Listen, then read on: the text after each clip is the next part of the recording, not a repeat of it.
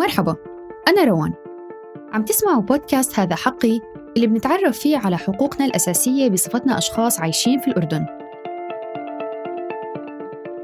في هاي الحلقة نتعرف على حقوق الأشخاص ذوي الإعاقة تحديداً فيما يخص العمل. نستضيف الأستاذة آسيا ياغي رئيسة ومؤسسة جمعية أنا إنسان لحقوق الأشخاص ذوي الإعاقة.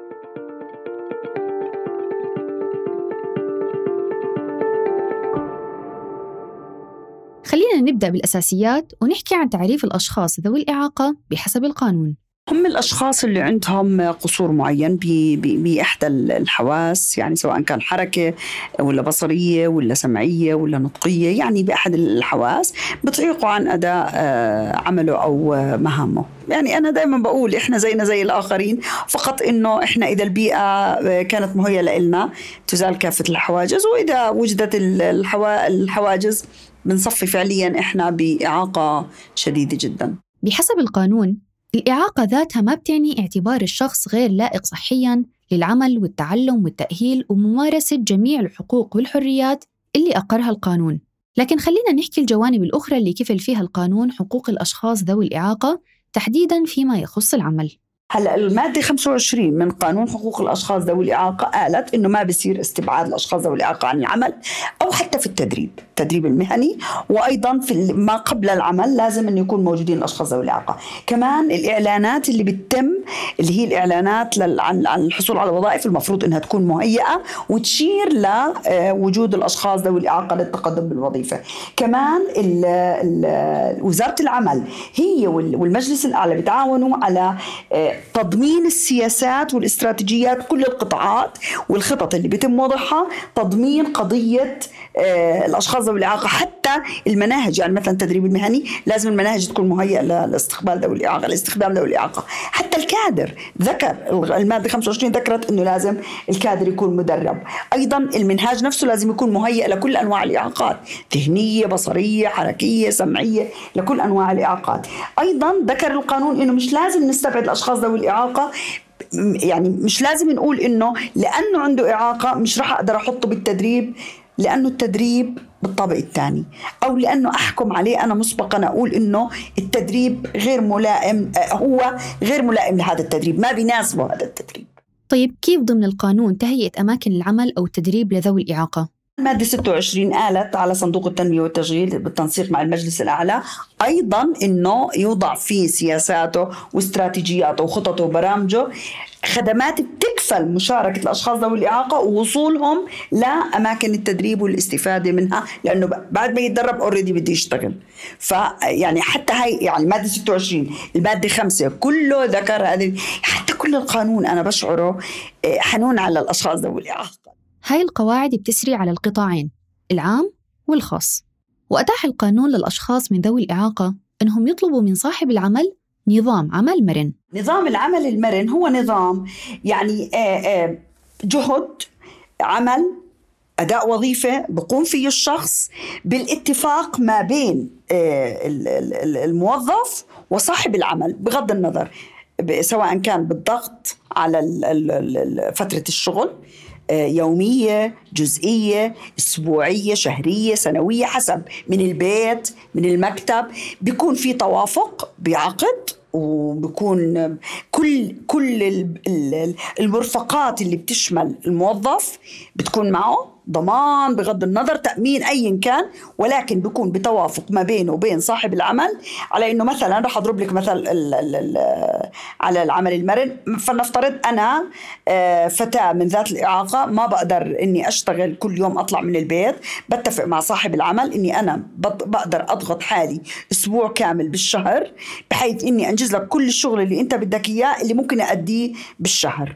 وطبعا بدون إنقاص لا من راتب ولا من من طبعا كله بيتم بالتشارك ما بين الشخصين اللي هو صاحب العمل والشخص ذوي الإعاقة. وطبعا هو أعتقد إنه هو مش بس لذوي الإعاقة كمان في بعض من مثلا النساء المرأة اللي بتكون عندها ظروف معينة بعض الأشخاص اللي ما بيقدروش يضلوا كل يوم يروحوا يجوا مثلا مكان سكنهم بغض النظر. يعني في ظروف معينة لأشخاص من ضمنهم الأشخاص ذوي الإعاقة اللي هم العمل المرن بيكون مناسب لهم توفير نظام العمل المرن للأشخاص من ذوي الإعاقة بيتماشى مع حقهم اللي كفله القانون الأردني بتهيئة بيئات العمل التي تتلائم مع احتياجاتهم وتوفير الترتيبات التيسيرية بحسب القانون.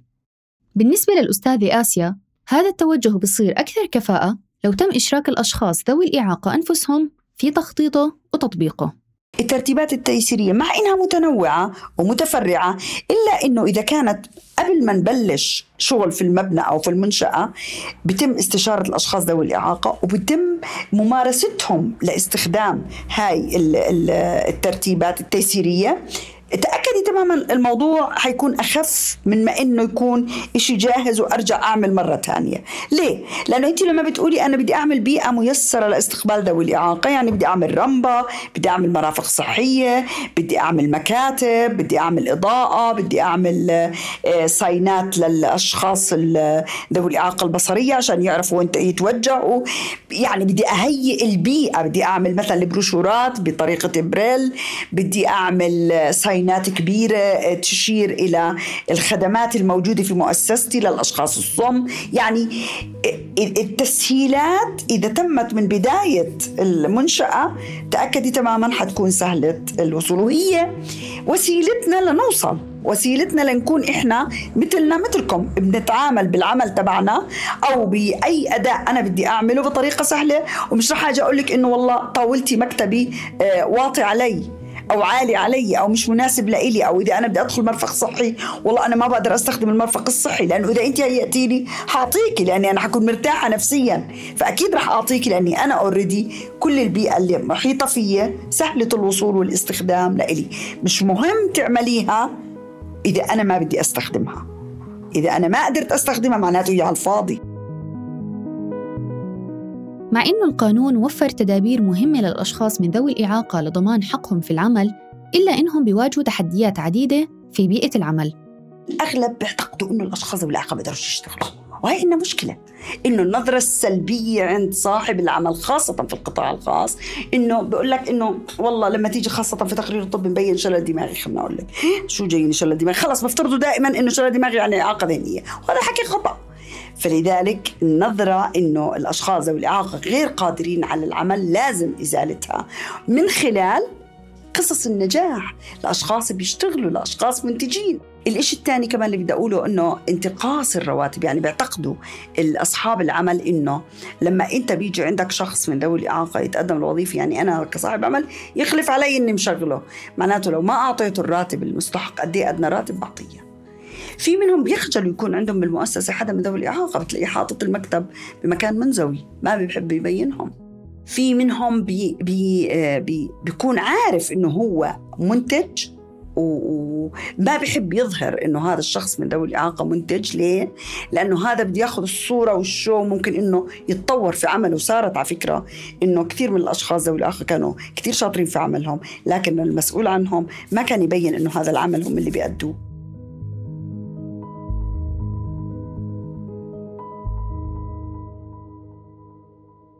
وللتيسير ما بين الشخص من ذوي الإعاقة وصاحب العمل تم تشكيل لجنة تكافؤ الفرص بس مين أعضائها وشو دورها؟ لجنة تكافؤ الفرص هي لجنة آه، مشكلة من من المجلس الأعلى وفق للمادة 14 من قانون 20 سنة 2017 آه، طبعا هي أعضائها هم من أكثر من جهة. آه، العمل وزارة العمل غرفة الصناعة والتجارة الديوان الخدمة المدنية اتحاد النقابات أشخاص من ذوي الإعاقة اللي هم فاعلين واللي لهم دور هاي اللجنة بتهدف لتمكين الأشخاص ذوي الإعاقة من المشاركة في صنع القرار.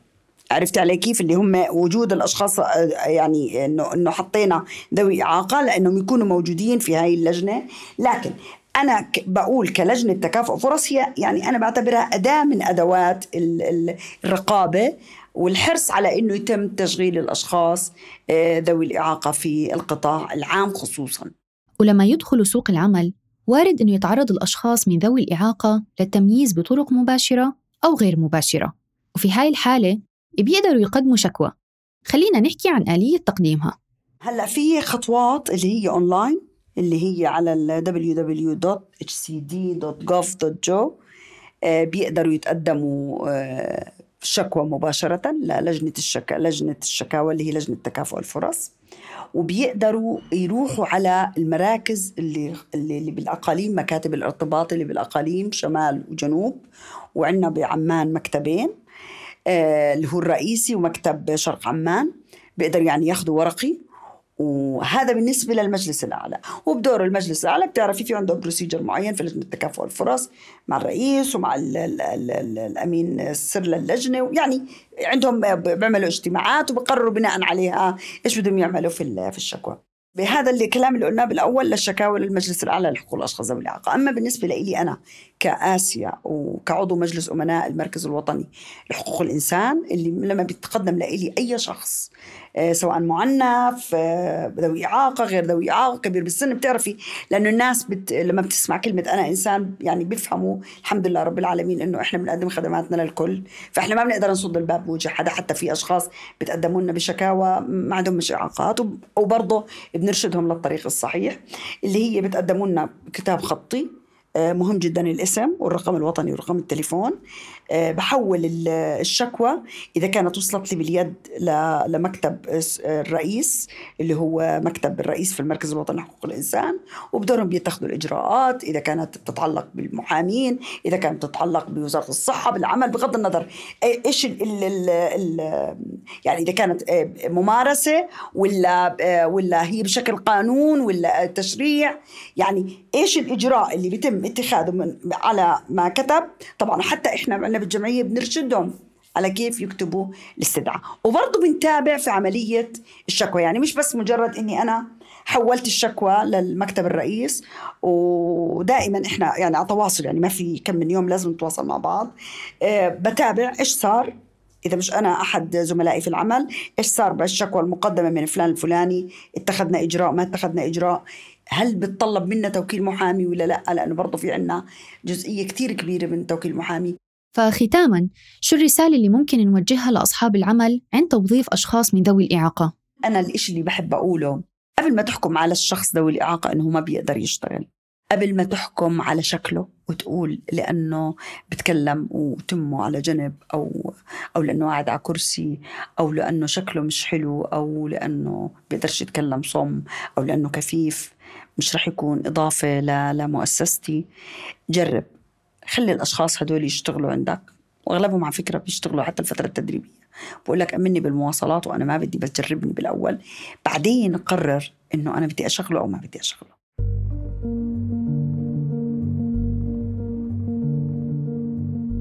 تعرفنا في هذه الحلقة على بعض الحقوق الأساسية اللي كفلها القانون الأردني للأشخاص ذوي الإعاقة فيما يخص العمل. في الحلقة القادمة نتعرف على حقوق الأشخاص من ذوي الإعاقة وتحديداً فيما يخص حقهم في التعليم. هذه الحلقة مقدمة لكم ضمن حملة هذا حقي تحت مشروع توعية مواطني ومقيمي الأردن بحقوقهم القانونية. المنفذ من قبل المعهد الدنماركي لمناهضة التعذيب ديجنيتي. بالتعاون مع وزارة العدل وبتمويل مشترك من الاتحاد الأوروبي والوكالة الإسبانية للتعاون الإنمائي الدولي. محتوى هذه الحلقة لا يعكس بالضرورة وجهة نظر الاتحاد الأوروبي والوكالة الإسبانية للتعاون الإنمائي الدولي.